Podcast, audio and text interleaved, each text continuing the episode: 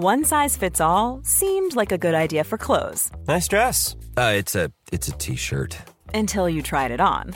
Same goes for your healthcare. That's why United Healthcare offers a variety of flexible, budget friendly coverage for medical, vision, dental, and more. So, whether you're between jobs, coming off a parent's plan, or even missed open enrollment, you can find the plan that fits you best. Find out more about United Healthcare coverage at uh1.com. That's uh1.com.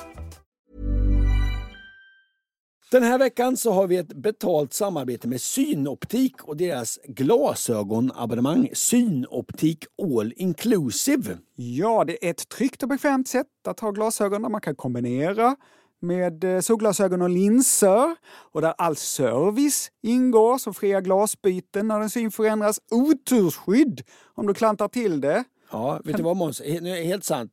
Bara i år har jag satt mig på två par glasögon. Då är det här något för dig. Dessutom får du möjlighet att byta ut ett par varje år. Så kan det ju vara lyxigt att ha solglasögon med styrka. Det har jag köpt i år redan ju. Och till och med såna här eh, med dynamiska glas, har du såna då? Nej. Där glaset blir mörka ute i solen Ja. och ljusa när man kommer in. Allt inkluderat i en fast månadskostnad från 90 kronor i månaden. Inga oförutsedda kostnader. Dessutom har de ett erbjudande. Du får alltid 30% på alla glasögon och solglasögon när du tecknar ett Synoptik All Inclusive. Läs mer och boka tid på synoptik.se. Fråga Anders och Måns.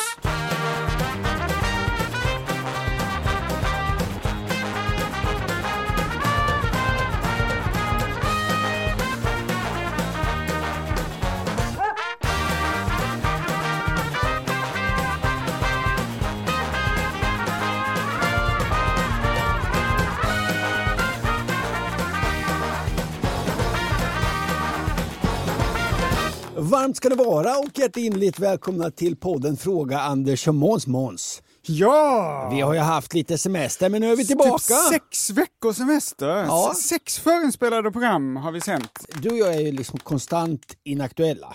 Mm. Men om vi nu de senaste veckorna känns liksom ännu mer ina- inaktuella, alltså att, Ja. vi, att vi känns lite som, som en, singel, en ny singel med Oasis eller en recension av en ny dubstep-platta av Andrex Locco, så är det därför då. Att vi har spelat in i förväg ett Ja, tag. men du drog nu ett skämt om eh, Zlatan och eh, Saudiarabien. Eller? Ja, ja, ja. ja, det var inte alls aktuellt. Nej, nej, precis. nej.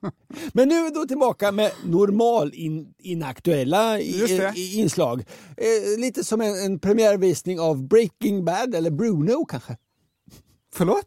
Jag förstår inte alls. Nej, skitsamma. Vi kör igång. Vad hänt sen vi sågs Måns? Det var ju skitlänge sen. Ingenting. Jag har haft en fullständigt händelselös sommar och det har varit underbart. Inte rest någonstans, inte startat någon ny hobby, inte skilt mig. Nähä. Jag har bara softat alltså. Om du hade skilt dig då hade jag räknat med att du hade hört av dig ändå. det, det, det är skönt att, att, att, att vi inte har glidit ifrån varandra så mycket. Nej. Eh, Som den gången när du hade skilt dig. ja. Och jag träffade dig på Ikea med sådana här startset. Kommer du ihåg att de hade startset på Ikea? Där man fick allt som behövs i ett, Ja. i ett litet hushåll. Ja, men då hörde jag mig direkt när jag Ja, blev det lämnad. gjorde du. Ja, jag fick en kram och grät i din famn. Så att det var, men det var ju fan, det var ju 20 år sedan. Ja. Ja. Så att, det- ja. Nej, jag har bara softat, levt som en pensionär, ätit torra kakor, klämt sönder avokados, bläddrat i böcker, suttit på min nya balkong Jaha! och druckit te. Jaha. Varit vaken hela nätterna och sovit på dagarna. Kort sagt, det har varit perfekt. Låter underbart. Men du Ankan, du har ju såklart proppat din sommar med upptåg och upplevelser. Jag har spenderat otroligt mycket tid av sommaren i den bruna Saab 90 från 1982 som jag köpte i våras. Ja, min första bil var ju en Saab, inte 90 men 99, en brun ja. Jag har monterat ut baksätet, byggt en liten säng. Jag har sovit alltså med huvudet vid roten till framsätet och jag har fötterna in i bagaget. Det har fungerat alldeles utmärkt. Det har varit supermysigt. Jag har sovit där själv. Jag har sovit med min ena dotter, jag har sovit med min käresta. Intressant när man sover själv i en bil. Spelar ingen roll hur tryggt man parkerar. Ändå när man lägger sig, man är lite rädd. Det känns läskigt. Jag har märkt att jag är lite mörkrädd. Ja. Men när man vaknar då, solen går upp, man sitter där. Fan vilken betalning man får. Vad mysigt alltså! Vakna ensam i en brun Saab 90, koka lite kaffe. det, är, det är livet, som Edvard Blom brukar säga, på en pinne. Kokar man kaffe då på eh, alltså cigarettändaruttaget? Nej, jag har ett stormkök. Det ska man inte ha inne i bilen, men det har jag haft ändå. Det kan man ha hela natten kan det stå på lite så det blir varmt och skönt. Nah, ja, en sväng gjorde jag till Värmland. Där träffade jag en eh, kvinnlig konstnär. Aldrig träffat henne innan. Det var bland de mest befriande människor jag har, har, har träffat. Hon frågade mig och min flickvän så här, eh, hur länge har ni varit ihop? Och vi svarade då, ja ungefär två år. Varpå hon sa så här då, citat, vad härligt, då knullar ni fortfarande. Och då blev jag först lite överraskad. Sen blev jag också direkt lite glad. För om man har separerat och träffat någon ny, då säger folk sådana här saker. De säger så här, oj, hur går det med barnen? Hur har ni löst det med huset? Eller till och med favoriten, åh vad jobbigt. Det är ju... Ja, Jag har säkert sagt, åh vad jobbigt. ja, men vad fruktansvärt befriande med de som då istället säger, vad härligt, då knullar ni fortfarande. Jag vill vara noga med att folk får vara precis hur de vill. Eh, prata Ja. om precis vad de vill. Ja. Eh, och leva precis som Men den här, den här liksom småborgerligheten, fy fan. Ja, jag är själv högst småborgerlig. Men den tråkar ut mig. Verandor, boräntor, badrumsrenoveringar. Ja, jag pratar också om det. Och fy fan vad tråkig jag är då. ja, just det. Ja, det ska vi inte prata om nu. Vi ska prata om roligare saker. Ja. Som till exempel bin. Just det. Och vet du vad jag ska prata om? Årsringar på träd. Nej, vad ska du snacka om? Ja, håll i dig. Jag ska prata om att kissa i offentligheten. Var får man, var får man inte? Ah, en guide! Snabela Anders och Mans.se. Livet på en pinne Göra vardag till en fest Ta varje liten chans du får och njut Vad ska vi få lära oss om nu Måns? Ja, men ska jag dra igång det här om bin direkt? Är det att de dansar? Ska vi få lära oss att de dansar? Nej, då, det kommer nämnas. Ja, vad bra. Att de dansar. Ja, jag, vill inte, jag vill aldrig prata om bin utan att prata om att de faktiskt dansar. Filippa har skrivit oss. Hej Anders och Måns. Min fråga handlar om bin och hur ett bi blir drottning. Föds ett bi som drottning med dess speciella lite större utseende? Eller måste ett bi som vill bli drottning besegra den sittande drottningen? Och när detta är gjort, förändras då biets utseende? Jag har frågat många människor och får alltid samma svar. Fråga Anders och Måns. Och alltid det svaret. Vilken komplimang! Tusen tack för frågan Filippa och vad roligt att jag får prata om bin som är så spännande. En gång så har jag när jag gjorde djurprogrammet eh, Djursjukhuset varit med om att försöka hitta, man ska hitta den där bidrottningen. Mm. Det var pilligt du. Ja men det kan ju finnas 60 till 80 000 bin Ja. i en, ett samhälle. Ja. Det är klart att det kan vara svårt att hitta ett specifikt. Ja, men d- då har man ofta satt som en prick på, Ja. på bidraget. Så då, då öppnar man och så får man, hålla på ska man försöka hitta ett bin som är lite större med en prick. Precis, man har sagt en liten prick, eh, nagellack eller något, jag vet inte. Och sen så har man ofta färgkoder. Jaha. Så man vet vilket år eh, det här biet eh, fick sin krona. Ja. Så, så här, då kanske man har grön från 1987, Mhm. rosa från 1988. Ja. Ja. Då är ju den här drottningen död sedan länge såklart. Så de lever bara i Fråga mig hur det gick för oss att hitta drottningen. Hittade ni drottningen? Nej, Det gör man i regel. ja, dåligt man... avsnitt av djursjukhuset. Det behöver ni inte titta. Anders, när du ser ett bi så får du panik. Nej, inte bi. Flaxar Nej, och nej, studsar nej, runt. nej. Skriker åt Nej. det. Försvinn! Nej. Som om biet vill dig något. Nej. Har sett dig på tv och vill surra lite. Nej, det stämmer inte. Jag däremot Nej, men. är kolugn. Jag låter biet flyga runt lite i facet på Heter mig. det kolugn eller kollugn? Alltså ett, ett, ett, en ko hetsar väl sällan upp sig. Jag låter biet suga runt i facet på mig, samla ihop rester av någon kanelbulle i min mungipa och flyga hem till kupan. Alltså, ja, eh, det där stämmer att jag är väldigt, väldigt nojig för djur som låter som bin. Men det är getingar, jag hatar getingar. Ja, Jag har ju berättat för hur det en gång landade ett bi på min träsko. Jag blev så rädd så jag tjongade in det i, i Alfred Olssons eh, fönsterruta. Det är ju länge sedan också. ja, det är ju flera månader sedan. ja. Men så är jag ju också uppvuxen med bin.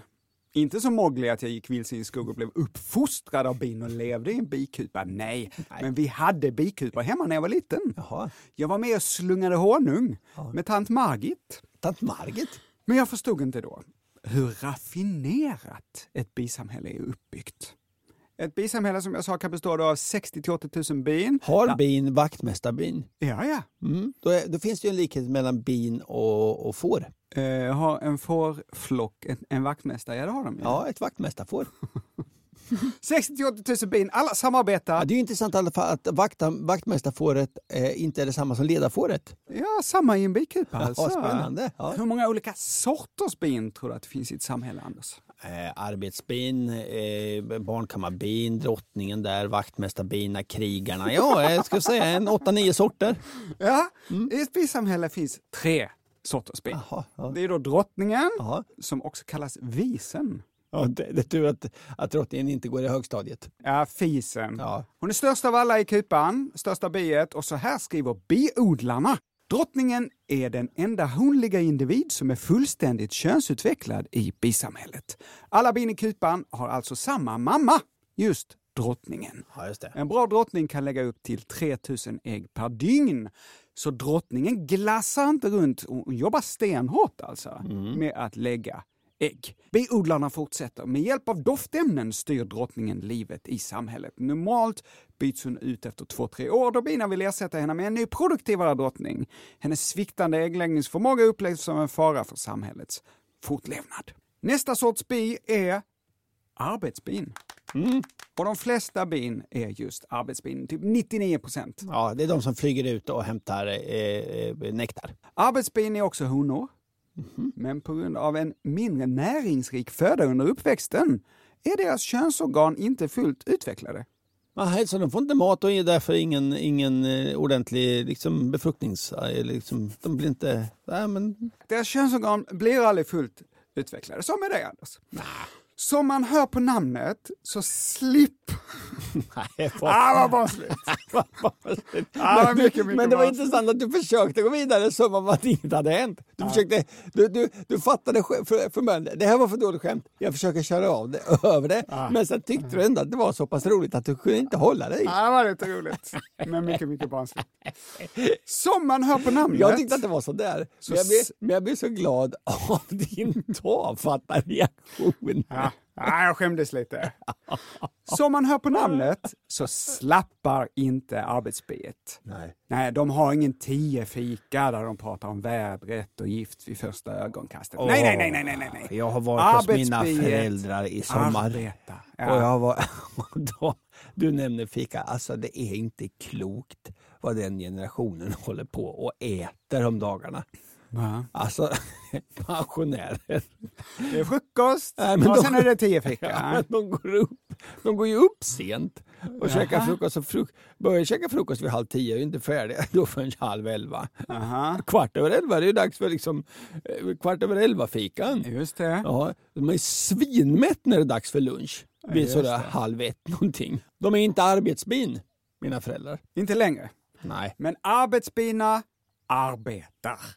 När de är unga sysslar de med inomhusarbete, till exempel matning av larver, packning av pollen, renhållning av kupan, mottagning och behandling av nektar, cellputsning, värmereglering av samhället och vakttjänst vid flustret. Jag har bott på ett hotell som heter Flustret. Vet du vad flustret är vid en bikupa? Ja, det är väl ingången va? Exakt. Vilken av alla dessa uppgifter hade du föredragit, Anders? Matning av larver, packning av pollen, Värmereglering av kupan. Jag hade valt mottagning och behandling av nektar. Mhm. För då tror jag att man hade kunnat smygäta. Smygäta på jobbet, alltså man äter lite av den här nektarn som kommer in. Som att göra dig chef, Anders, Mhm. över clementinerna på ett företag. Dålig idé. När arbetsbiet blir äldre så får det istället utomhustjänst. Det vill säga flyga runt och samla in grejer. Det är en pollen och det är nektar och vatten. Det tänker man kanske inte på, men många bin sysslar med att samla in vatten till samhället. Det är därför de gillar att hänga vid swimmingpooler. Men det slår ändå ofta bin vid just swimmingpoolar. Exakt. Jag tänker alltid på att, att det där vattnet vill man inte ha in i honungen. Det är ju klor i. Ja. Så här skriver biodlarna. Om sommaren lever ett arbetsbi i 5-6 veckor, men de arbetsbin som föds på eftersommaren och hösten överlever vintern i kupan tillsammans med drottningen. Fem, sex veckor var inte mycket. Nej, och då en drottning kan leva i 5-6 år. Den tredje sortens bi är hannarna, det vill säga drönarna. Och det finns cirka tusen drönare i ett bisamhälle och, surprise surprise, de gör inte så mycket nytta. De bidrar faktiskt inte med någonting annat än att befrukta drottningen. Det är, vi vet, eh, eh, kvinnor är ju bättre än män. Mm. Det är bättre med ett samhälle med, alltså jag hade nog hellre levt i ett samhälle med 99% kvinnor. Det är ett, bisamhälle är ett matriarkat och så är det 99 kvinnor. Ja, det funkar och det funkar ju väldigt bra. Alltså. Det gör det. Så här skriver biodlarna. Lite oförtjänt beskylls ibland drönarna för att inte göra någon nytta. Genom att sprida ett speciellt doftämne bidrar drönaren också till harmonin i samhället. Visst. Men det är väl inte mycket att skryta med va? Nej, de är, de är kupans mood manager. Det är för dåligt! Det är för dåligt. Men å andra sidan så tvingas de ut ur kupan på hösten Mhm. Och fryser ihjäl. Jag får stå sitt kast. Bin kommunicerar med varandra genom att utsöndra feromoner, men de kan också kommunicera genom Dans. dans! För oss människor så är det lättare att kommunicera via talspråk eller skriftspråk. Anders, när du lämnar in din bil på verkstaden Ja. så förklarar du inte hur, hur bilen är sönder, vad som måste lagas med en dans. Bounce-bänke gör kanske det. Bounce-Benke? Du tänker på Carl Diall? Nej, nej. Carl Diall har jag träffat en gång. Oerhört sympatisk man. Det tror jag det. Ja. Och bra på att dansa. Bounce-bänke är säkert också eh, jättesnäll, det vet jag inte. Men han, det är, han är, bounce-bänke är överallt. Det går Ja. inte att slå upp det igen utan att läsa om bounce-bänke. Jag har aldrig läst om Bounce-Benke. Jag måste... Nej, jag har fastnat. Jag har fastnat. Vänta! Jag måste fotas. Jag har fastnat i mitt... Jag kommer inte ur min tröja. Ankan Johansson stretchade genom att ta in händerna i liksom t-shirten. T-shirtens ärmar. Och när jag skulle googla, när jag skulle googla bounce-bänke märkte jag att jag satt fast. Ja, Jag är glad att det är det jag jobbar med Anders och inte någon annan 50-åring. Ingen annan 50-åring hade fastnat i sin t-shirt. Nej, vet du Här vad? händer det grejer. Bounce, bounce, bounce-bänke heter Fredrik Rydman. Då går vi över till binas bostad som de bygger av vax. Anders, vet du hur vaxkakorna ser ut i ett bisamhälle? Ja, verkligen. Berätta. Ja, men de ser ut som eh, filter. Bina bygger en jävla massa celler, Ja. heter det, som är sexkantiga, vilket är fiffigt för då får man plats med så många som möjligt. Om de hade varit runda hade det varit en massa eh, plats eh, som var dödplats. Mm. I, I Linköping fanns det på, på 90-talet en restaurang där allt var sexkantigt. Varför det? Som en stoppskylt, hade de stoppskyltar? Ja, det vet jag inte, men så borden och glasen, allt var sexkantigt. Det var deras grej. Det ska vara vår grej! Vi ska öppna en restaurang och vi ska ha en grej! Är det verkligen den bästa? Ska vi ha bäst mat? Ska Nej. vi liksom ligga Ja. på bästa ställen? Nej, allt ska vara sexkantigt. Ja, Penta, häxa. jag, jag, kommer, det något med häxa? jag kommer inte ihåg. Häxan. En förspild möjlighet att inte heta häxan med e. Mhm. Åh, den har kommit av mig. Ja, det kan jag inte förstå. De här tusentals cellerna används som antingen barnkammare eller förråd. Mm. Det, I våra lägenheter, Anders, där har vi vardagsrum och allt möjligt. Mm. De har bara barnkammare eller förråd. Och korridor. Det har de ju för att ta sig runt. Mm. Det som förvaras i förråden är saker de samlat in då. Mm. Pollen och nektar. Så här skriver en biodlarsida. Nektar används som ett litet mellanmål för bina. Motsvarigheten till att ha en skål nötter på ditt skrivbord på jobbet. Som du kan knapra på medan du arbetar. Jaha. Bina är också nektar till larverna. Ja, såklart. I förrådscellerna förvaras också honung. Binas claim to fame. Anders, kommer du på någon annan mat som ett djur tillverkar och som vi då, människor då bara äter rakt upp och ner? Mjölk. Men hur gör bin honung? Mm. Alltså de samlar inte in honung, utan bin tillverkar honung. Bin samlar in nektar, alltså den sockerhaltiga vätska som blommor använder för att locka till sig insekter för hjälp med pollineringen. Tillbaka i kupan så blandar bina den här nektarn med sin saliv. Och då bildas honung. För att göra en kilo honung krävs tre kilo nektar och för att få ihop all den här nektaren behöver bina besöka 6 till 8 miljoner blommor. Vet du hur man gör ekologisk honung? Mm, Alltså, bina gör, alltså det, det är ju att de bara får besöka e- ekologiska blommor då. Hur kan man styra det? Nej, det kan man inte styra, man får bara ha kupan på ett ställe där det nästan bara finns Ja. ekologiska odlingar. Så enkelt är det. Enda sättet. Ja, det är så ofta jag får honung. Va? Så det är många nu i, i, som har bikuper och håller på med bin så man, får, en- man fyller år eller någon, så man får 90 present på en premiär. Eller så får jag honung. Jag fått, hemma på min diskbänk står det fyra burkar honung nu. Som du alla har fått? Ja, som jag har fått och och jag tycker om honung men jag använder väldigt lite honung. Jag vill ha en burk honung, jag får aldrig honung. Men du ska få honung av mig. Varför tillverkar bin honung, Anders? För de ska äta det på vintern. Ja, det är deras matreserv så att de ska överleva vintern. Och när man tar honung ur ett samhälle så heter det att man skattar kupan. Jag kommer att tänka på brandskattningen av Visby. Okej. Var det Valmar Atterdag eller vem var det? Ja, ihåg. ingen aning alls. jag heller minns. Nej. Och när man gör det då, när man tar honung så måste man naturligtvis ge dem någon annan mat i utbyte, annars kommer de inte överleva vintern. Får de inte sockervatten då? Precis, en superäcklig sockerlösning. Ja. Mycket om bin, Jaha. men jag har ännu inte svarat på Filippas fråga. Nej. Hur blir ett bi drottning? Ja, jag vill jättegärna veta det. Föds ett bi till drottning eller är det ett arbetsbi som gjort karriär? Ett makthungrigt bi som kämpat sig hela vägen upp till toppen? Jag tror att det föds som drottning. Mm. Jag tror att det då och då föds drottningar men de dödas. Men det måste ju födas många drottningar.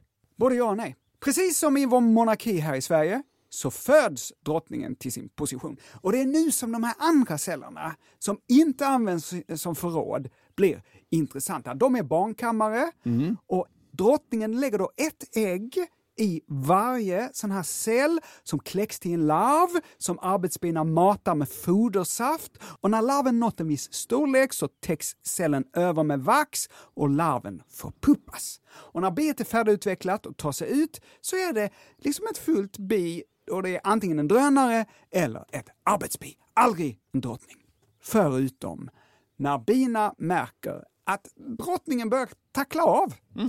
Det är som med vår kung, när han inte längre orkar åka till Gränna och inviga någon, någon jäkla polkagrisfabrik.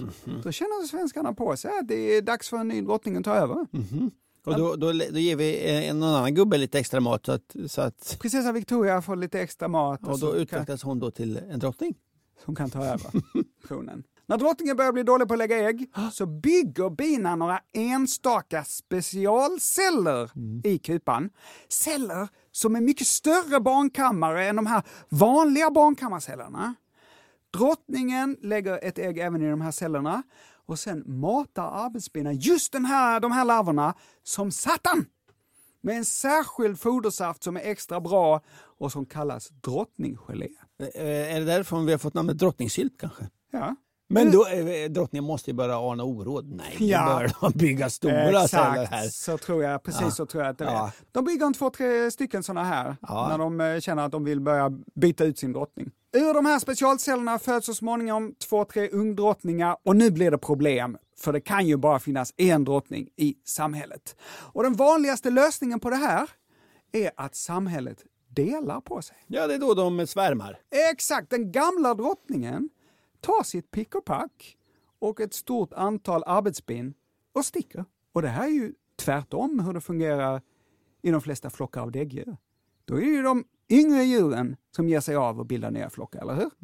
Anders, har du sett klipp på Insta eller TikTok av en kvinna som folk eh, ringer till och som åker runt och samlar in bin som har svärmat? Jag har ringt en sån kvinna. Va? Ja, eh, i, I Linköping, hemma hos mina föräldrar, så kom det en bisvärm och landade på ett, träd, ett fruktträd alldeles utanför huset. Och satt som en klase? Ja, då fick vi ringa en sån här bi... Och då kom det en kvinna med sån här rök och allting och samlade ihop det här och stack iväg. Då ringde ni antagligen till biodlarnas svärmtelefon. Ja, 0766 86 0701. Lägg det på minnet. ja. Eller kanske ännu enklare, googla det när du verkligen behöver. ännu bättre. Ja. Det här är spännande, för när den gamla drottningen då drar iväg och svärmar, då finns det ju en, två, tre ungdrottningar kvar i kupan, det har jag berättat. Och det kan ju bara finnas en per samhälle och då brukar det gå till så att den första ungdrottningen som föds dödar de andra ungdrottningarna som fortfarande ligger och puppar sig i sina celler. Så det är ju en sovmorgon med ödesdigra konsekvenser. Så för att sammanfatta Filippa, bidrottningen föds till makten men måste i allmänhet döda några av sina syskon för att få makten. Inte helt olikt hur det gick till i kungahus förr i tiden. Här frågar alla hur det hände Och hur och var och när det tände Och alla undrar hur jag kände Sånt vill man väl ha för sig. Och det är inte lätt att svara. För plötsligt händer det ju bara. Det är så marigt att förklara. Men något så här var det för mig. Det sa bara klick. Sen har det fortsatt att klicka hela tiden. Nu har du pratat oändligt länge om bin, därför tänkte jag ta lite kortare inslag. Nu ska det handla om uttrycket bla bla bla.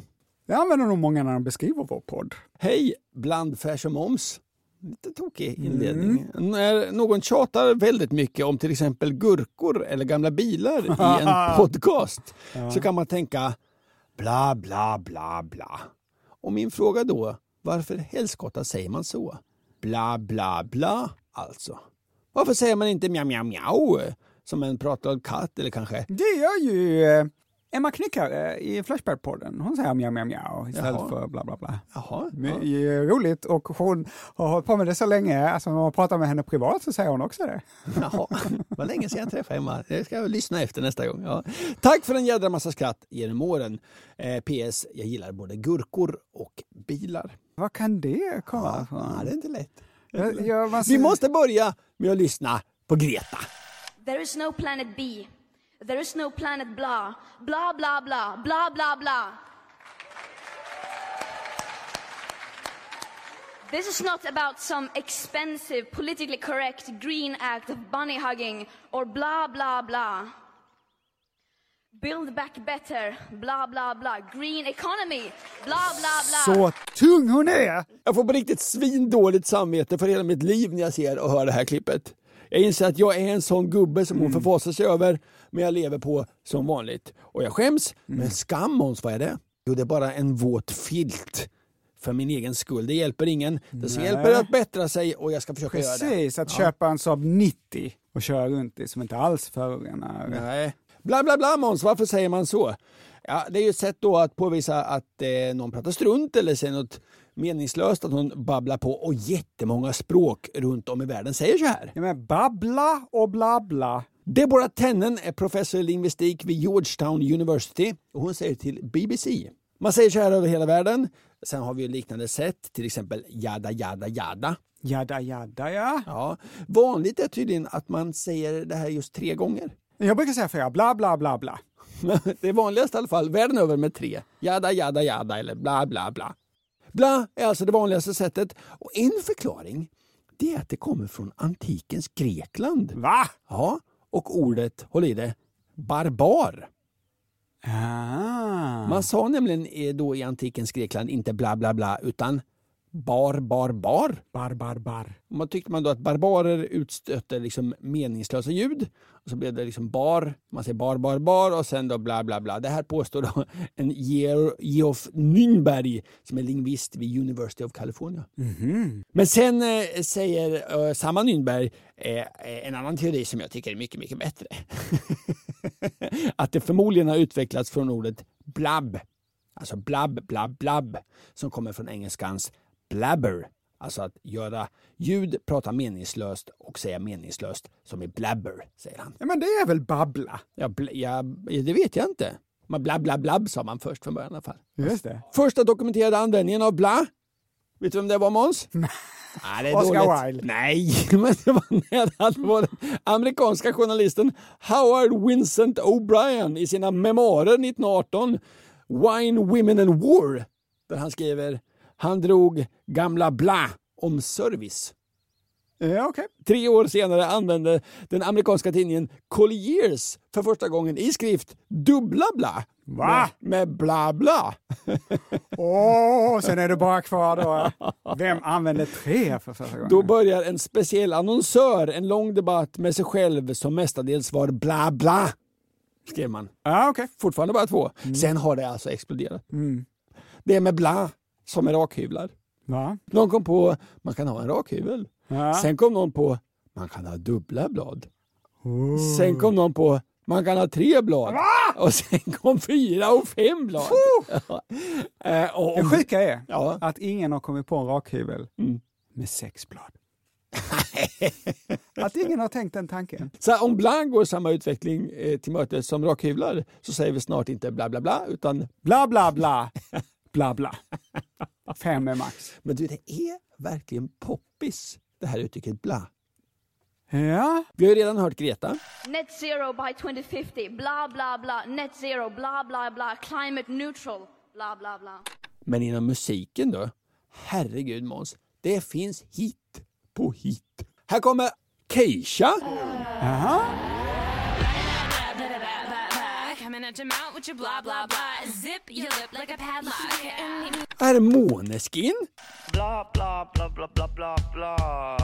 Nationalteaterns gamla dänga.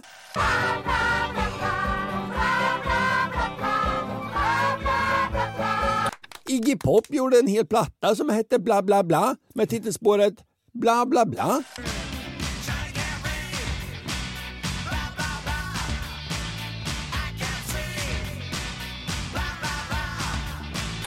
Och så svensk favoriten, den sexistiska sångsketchen med Egon Kärrman. Bla bla bla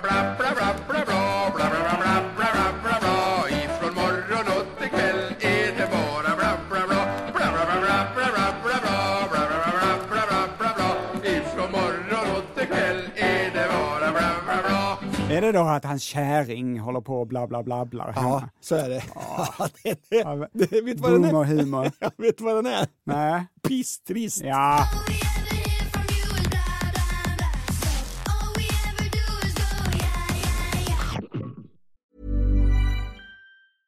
Hey, I'm Ryan Reynolds. At Mint Mobile, we like to do the opposite of what Big Wireless does. They charge you a lot, we charge you a little. So naturally, when they announced they'd be raising their prices due to inflation, we decided to deflate our prices due to not hating you. That's right. We're cutting the price of Mint Unlimited from $30 a month to just $15 a month. Give it a try at mintmobile.com slash switch. $45 upfront for three months plus taxes and fees. Promote rate for new customers for limited time. Unlimited more than 40 gigabytes per month. Slows. Full terms at mintmobile.com. When you're ready to pop the question, the last thing you want to do is second guess the ring.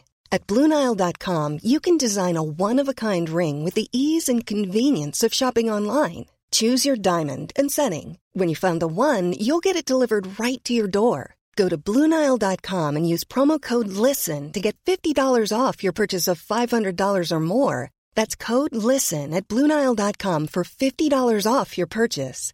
Bluenile.com code LISTEN.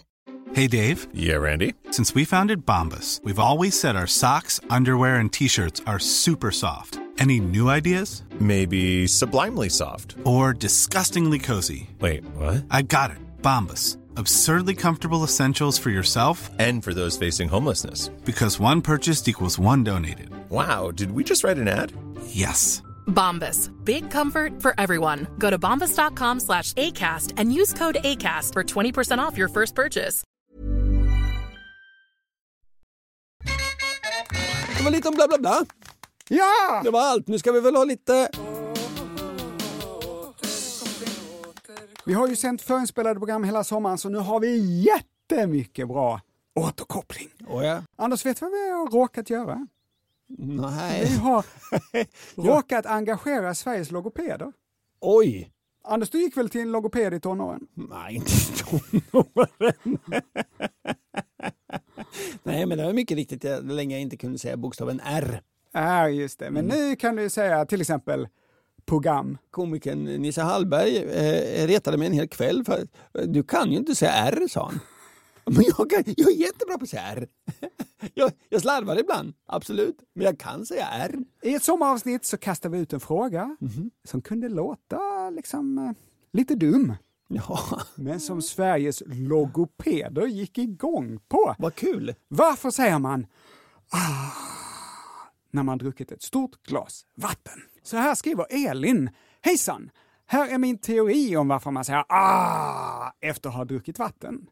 I den normala sväljcykeln ingår en reflex att andas ut en liten puff luft efter varje sväljning. Måste ta lite vatten och prova. Mm. Ja, visst. Ja. Det är en medfödd skyddsmekanism för att känna av och kanske få upp sådant som eventuellt fastnat i svalget.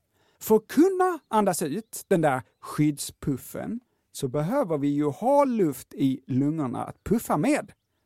Och det är därför vi också har reflexen att andas in lite luft innan vi börjar förbereda sväljningen. Okej, låt mig prova. Nu tar jag en klunk här. Du andades in innan. Ja, det är ju fascinerande det här. Elin skriver, så här är sväljcykeln. Tugga, andas in, svälja, andas ut.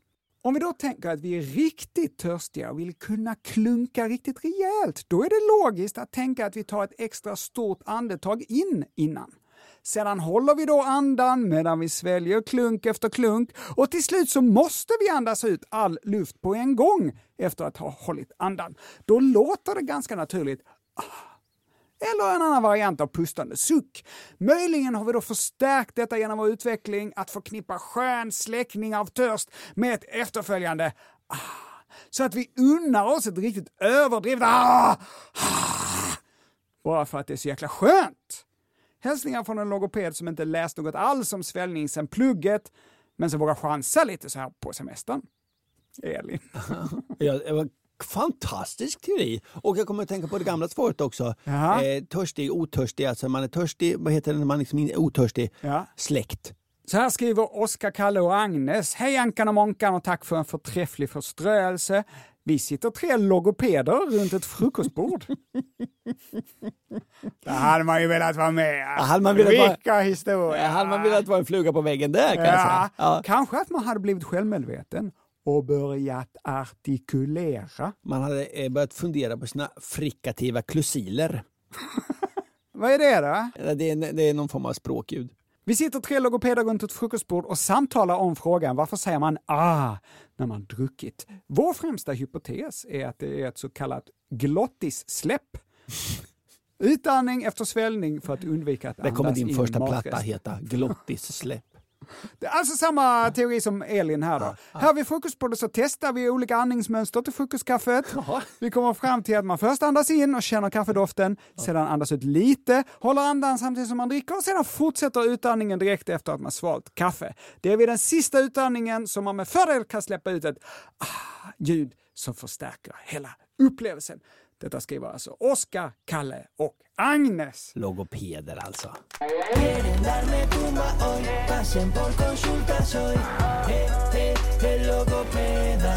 Ankan, vad har du tagit tag i för återkoppling? Jo, du och jag har ju gjort eh, väldigt många avsnitt genom åren. Det är spännande. Först eh, så sände vi ju eh, på FM-bandet med P3. Eh, Sen gjorde vi den här podden för Sveriges Radio. Och nu har vi gjort den då i... Sveriges Radio, P3 var ju också Sveriges Radio. Ja, ja, alltså. men sen gjorde vi den liksom, eh, som podd på Sveriges Radio och nu gör vi den då i kommersiell egen regi. Vet du hur många avsnitt vi har gjort idag?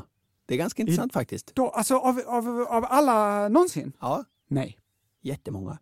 Vi har ju... Eh, Tack. Vi har ju eh, genom åren ofta stött på en så kallad nynning. Alltså någon har en låt på hjärnan och kan inte komma på vad är det jag går och sjunger på. Och innan vi gick på semester fick vi en sån nynning från Julia. Hon hade en icke namngiven kollega som sjunger någonting. Vi fick ledtrådar, kollegan var cirka 50 och från västkusten. Frågan var, var det något som finns, var det något lokalt eller var det rent hittepå? Här är kollegan. Akta mig, vadå röd gubbe hoppsan? Nej, dra mig långsamt, det står visst någon skriver upp mig. Honom ska vi sätta fart på genast, ja. Konstapel Svensson är det minsann. Tut, oh yeah, boogie woogie. Ja, det här känns som en nynning som man antingen får rätt på eller inte. Det är inte så att det här kan vara många olika slags, många olika låtar eller antingen sätter man det eller inte. Akta mig, vadå röd gubbe? Hoppsan, nej, dra mig långsamt, det steg visst någon och skrev upp mig. Honom ska vi sätta fart på genast, jag konstapel Svensson är det minsann tut och je. Det här är ju bara ord. Det kan ju inte rimligtvis vara något annat än fantasier. Som vanligt har många hört av sig. Hej hej, nynningen låter väldigt likt The Hives Main Offender. Med vänlig hälsning Niklas. Va? Vi provar väl det då. Eh, här har vi nynningen. Akta mig, var då röd gubbe hoppsan? Också The Hives.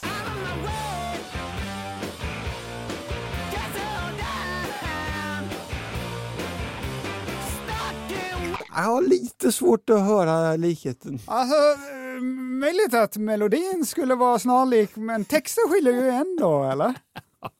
Nej, det kan inte vara rätt. Det, eh, det är må hända likt, men rätt svar det är det inte. Det är lika, lika, lika lite som saftsoppa är en god och hälsosam mat. Ja. Vi tar nästa brev.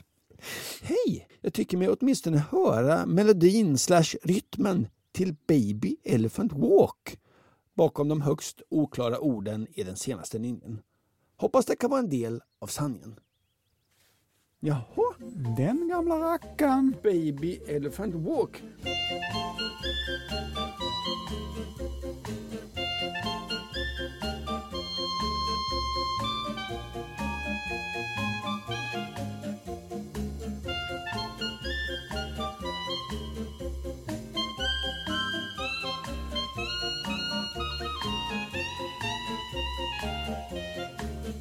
Ja, det är ju en hit alltså. Ja, men visst känns det lite där. Akta mig, vadå rätt gubbe hoppsan? Nej, dra mig långsamt. Det står... No, finns någonting där? Ja. Ja. Vi något på spåren kanske? Baby Elephant Walk. Vet du var den låten kommer ifrån? Nej. Det här är Henry Mancinis klassiska låt som var soundtrack till filmen Hatari. Hatari? Eh, här är handlingen till Hatari sammanfattad av eh, sidan Filmtipset. Sean Mersey fångar djur i den afrikanska vildmarken. Han får så småningom sällskap av en kvinnlig fotograf från ett schweiziskt zoo. Mm. Detta till hans stora förtret. Ja, så blir de kära. Ja, spännande ju. Jag undrar om de blir kära. Ja. Jag undrar om de får varandra i slutet. Mm. Det kan jag inte tänka mig. John Wayne spelar huvudrollen. Vad är grejen med Ah. John Wayne? Va? Gubbar i ålderskategorin min far får något nästan fuktigt i blicken när de pratar om John Wayne och hans, förlåt, jävla hårdkokthet. John Wayne som också var republik republikan extremt långt ut på högersidan och har sagt jag tror på bit överlägsenhet. Ja, han vill ju också döda den här kvinnan från ursprungsbefolkningen i USA som Marlon Brando skickade fram för att eh, göra talet när Marlon Brando vann en Oscar. John Wayne, en idiot. Alltså. Ja. Så här skriver Fanny. Hej allra bästa ni. Nu till nynningen som Julias kollega sjöng på. Det är en låt som heter Baby Elephant Walk. Vår musiklärare sjöng den med vår klass i mellanstadiet i slutet av 90-talet. Originalet är filmmusik skriven av Henry Mancini. Till detta har Olle Widerstrand skrivit en svensk text. Den svenska versionen finns utgiven i Widerstrands notbok Sång gång på gång från 1979. Jag hittade ingen inspelning av den svenska versionen. Så därför fick jag spela in en egen så ni kan få höra hur den låter. Mhm. Här kommer den.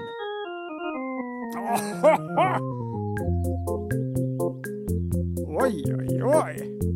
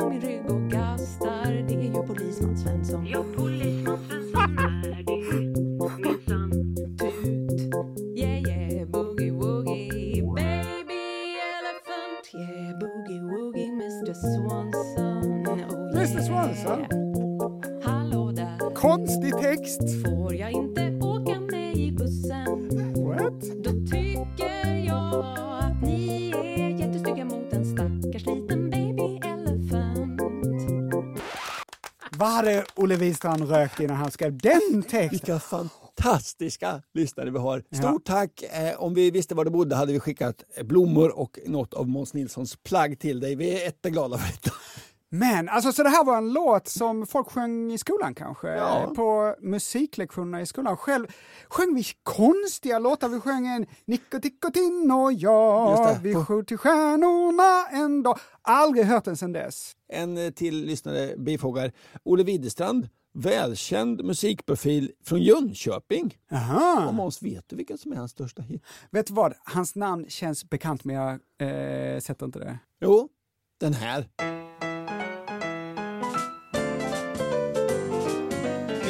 Familjen går ut med geten. Hela familjen går ut med geten. Hela familjen går ut med geten. Hela familjen Ännu sämre text. går ut med geten. Hela familjen Ingen stor textförfattare. Hela familjen går ut med geten. Hela familjen går ut med geten.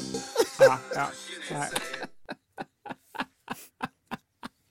Han var ingen stor textförfattare. Det är bara, det är random ord bara. Hela familjen går ut med geten. Den klassiker som min kompis Kalle Billingren alltid värmde upp med när vi skulle repetera med biorkestern. Så att det här var ju roligt. Jag fick jag ursprunget till den.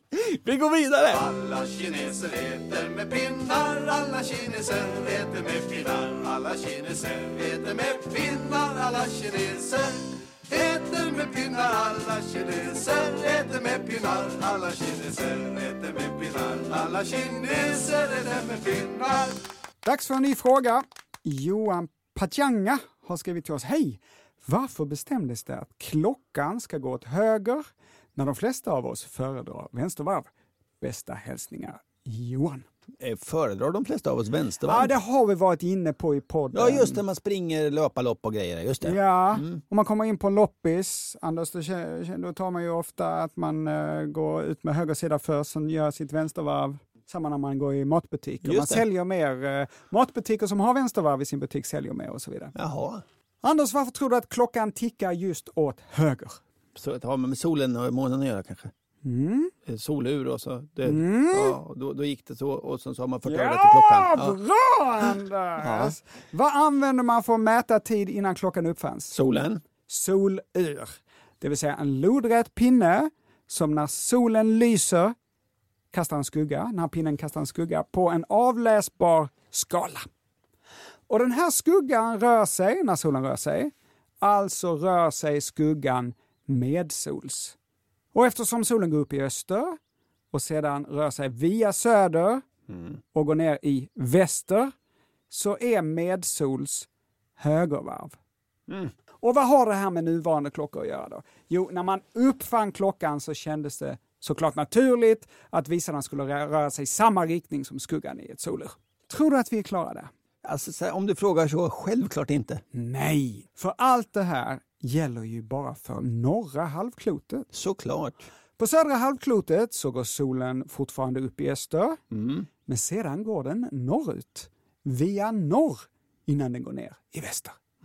Skuggan i deras solur rör sig åt vänster i vänstervarv. Anders, tror du att det är så att även eh, då, moderna klockor, armbandsur, om man köper eh, ett armbandsur på södra halvklotet, tror du då att den eh, klockan går vänstervarv? Jag har ju varit på Nya Zeeland. Det, det, det var inte något jag lade märke till så det, det hade jag nog sett. Nej, det behövdes en standard och som vanligt så körde vi eh, på norra halvklotet över dem på södra halvklotet och bestämde att alla klockor som ska gå högervarv som våra solur. De första mekaniska uren uppfanns på norra halvklotet. Det här eh, kan ju vara en bidragande orsak att just det här blev standard högervarv medsols. Hoppas du är nöjd med svaret, Johan.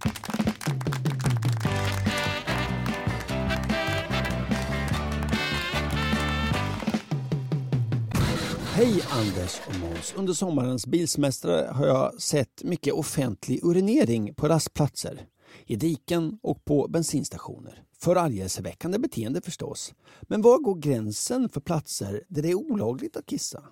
I skogen känns ju rimligt. På torg känns orimligt. Men i diket vid vägen, är det förargelseväckande enligt lag? Och gäller samma gränser för kvinnor och män? Eller är det mer förargelseväckande att kissa på huk? På huk, ja. Med vänlig hälsning Karin.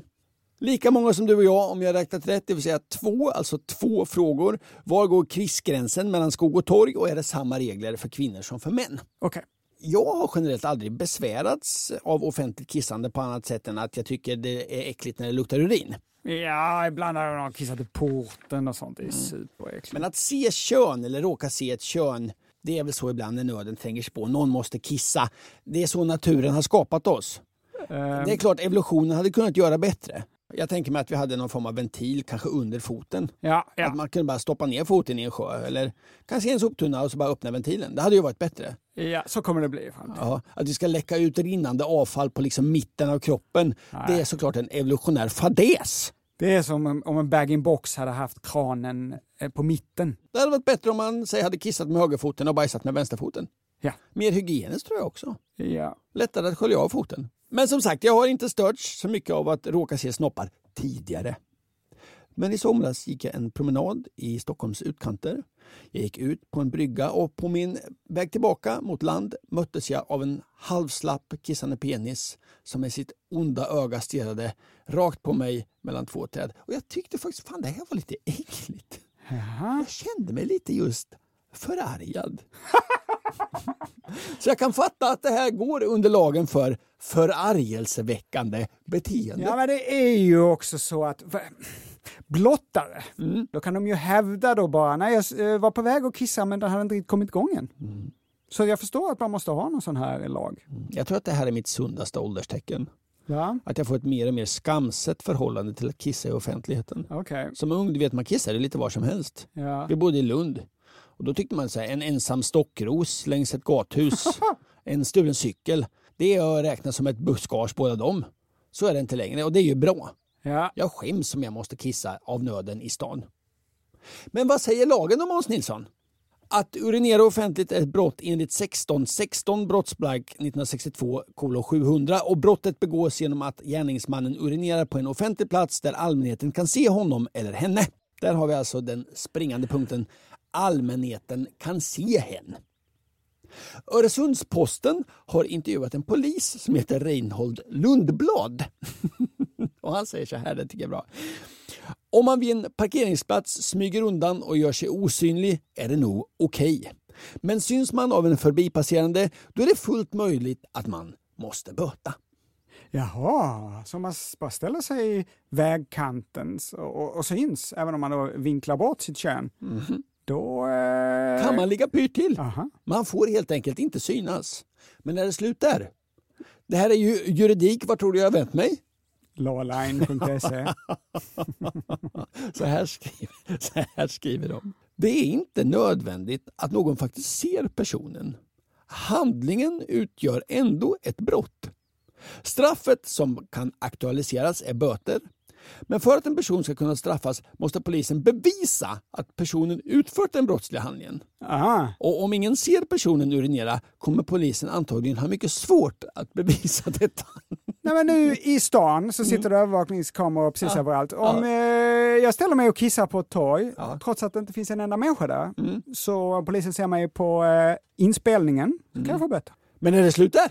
Nej. Paragrafen kan också tillämpas på handlingar som företagits i enslighet men lämnat förargelseväckande spår efter Ah. sig. Till exempel förorening på gata eller allmän plats. Gul snö. Man får alltså inte förarga genom att synas eller förarga genom att lämna synliga och äckliga spår efter sig. Hmm. Det borde innebära att om man, eh, om man frågar mig då, att om man kissar sig gömd i stan och har med sig kanske en dunk med vatten och gör rent efter sig, det ska väl vara okej. Men det är svårt det här. Svenska Dagbladet uppmärksammade 2012 artisten, minns du, Mange Schmidt? Just det. Han som gjorde den här låten. När du hör en bra låt och din partner är kåt är det När du har sommarlov och du håller hov är det Lagen förbjuder offentligt kissande, men det är okej om behovet är trängande. Om du inte kan hitta en toalett och åtminstone gör ditt bästa för att inte synas. Det här anser hovrätten som på måndagen friade artisten Mange Schmidt som ertappades med att kissa i en buske intill Fyrisån i Uppsala. Men när man kissar, det är ju alltid trängande. Behovet är ju alltid trängande. Det är ingen som går liksom och, och kissar för nöjes skull. Åh, jag är inte så kissig. Jag tror ändå att jag slänger en liten skvätt här Ja, i- ja. vid Fyrisån. Så om det är trängande och man gör sitt bästa, då kan man, i, precis som Mange Schmidt, bli friad. Han slapp betala då 800 spänn i böter och det bötesbeloppet är samma än idag. Fortfarande 800 spänn. Så med säg- inflationen så blir det nästan eh, som att man gör ett klipp genom Ja. att kissa i offentligheten. Ja, folk säger att vi har inflation, det har väl inte? Det kostar lika mycket att kissa i offentligheten nu som för, ja vad var det, Eh, 2012? Glassigt. Men i skogen måste, måste det vara okej, eller hur? Ja. Nja. Östersunds-Posten skriver. Kastar du vatten i skidspåret eller elljusspåret kan det vara bra om du gör det undanskymt. Annars kan det anses som offentligt. Sen var det ju det här med oss, gäller det samma regler för män som för kvinnor? Det är väl såklart det gör. Självklart, lagen är lika för alla. Men hur är det i verkligheten?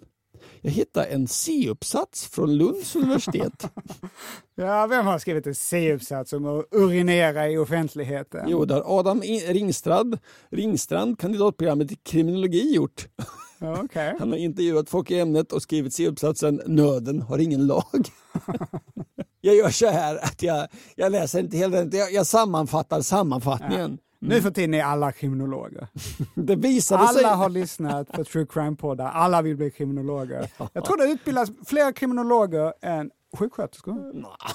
Det är en gissning. Det visade sig att en kvinna och en man uppfattas olika om de urinerar offentligt. I detta fall beskrivs det som manligt eller okvinnligt att urinera offentligt. Jaha, okej. Så kvinnor var mindre ursäktade om de kissade i offentligheten, enligt den här C-uppsatsen. Är det här ett problem då? Att få kissa i offentligheten?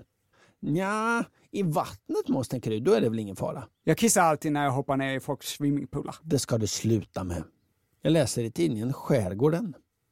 Rubriken. Bara 3 deciliter urin kan göda 1000 liter vatten med giftiga alger. Och eh, man har kväve i kisset såklart. Fosfor, natrium, har man det i kisset? Jag kan inte exakt vad vi har i kisset. Så Nej, jag, okej. jag, kan, jag, snyter inte röven faktiskt. Nej, men det är i alla fall ämnen som bidrar till övergödning. Man gjorde ett experiment på Stockholms universitet. Man fyllde fyra stora tankar med 1000 liter vatten från en vik i Östersjön. En tank eh, var helt opåverkad. En tank hälldes 3 deciliter, en 6 deciliter och en, en tank 12 deciliter urin. 12 deciliter motsvarar ungefär vad en person producerar på ett dygn. Okej. Sen hängde man i varje tank en tofs med algen grönslick. Jaha. En vanlig alg i skärgården, grönslick. Det är alltså både en vanlig alg och, eh, om jag får gissa, årets glassnyhet 2024. grönslick. Efter en vecka kunde man jämföra vattnet i tankarna. I kontrolltanken, vattnet var helt och klart. I tanken med 12 deciliter urin var det starkt grönfärgat och var så grumligt att man inte kunde se botten. Sen finns det en Lena Kautsky som är marin växtbiolog. Hon har räknat lite på det här Eh, och då tog hon båtliv. En person kissar då 1-2 liter per dygn. Eh, Vi har varje år 56 000 fritidsbåtar utan toalett med två personer ombord som är ute i fem dygn. Tillsammans producerar de då 8,4 miljoner liter kiss. Mm. Om då eh, 12 deciliter kan förorena 1000 liter vatten så kraftigt, då är det här faktiskt ett litet problem. Hur ska man göra då? Man ska alltså inte kissa i vattnet. Kisset kan nämligen göra nytta på land. Så man ska gå upp eh, och är man på en båt får man kissa en hink eller om man är i, eh, vid, vid. Ja, kissa någonstans. Eller om man är vid strandkanten, kissa inte i vattnet utan gå upp i skogen och kissa vid en tall eller gran så gör det nytta och inte skada med ditt kissande. Bra Anders! Skriv fler frågor för vi har så roligt när vi svarar på dem. Skriv till adressen snabel andersochmans.se. Vi hörs igen redan nästa vecka för då är det nästa vecka. Ha det så bra. Puss Hejdå. och kram.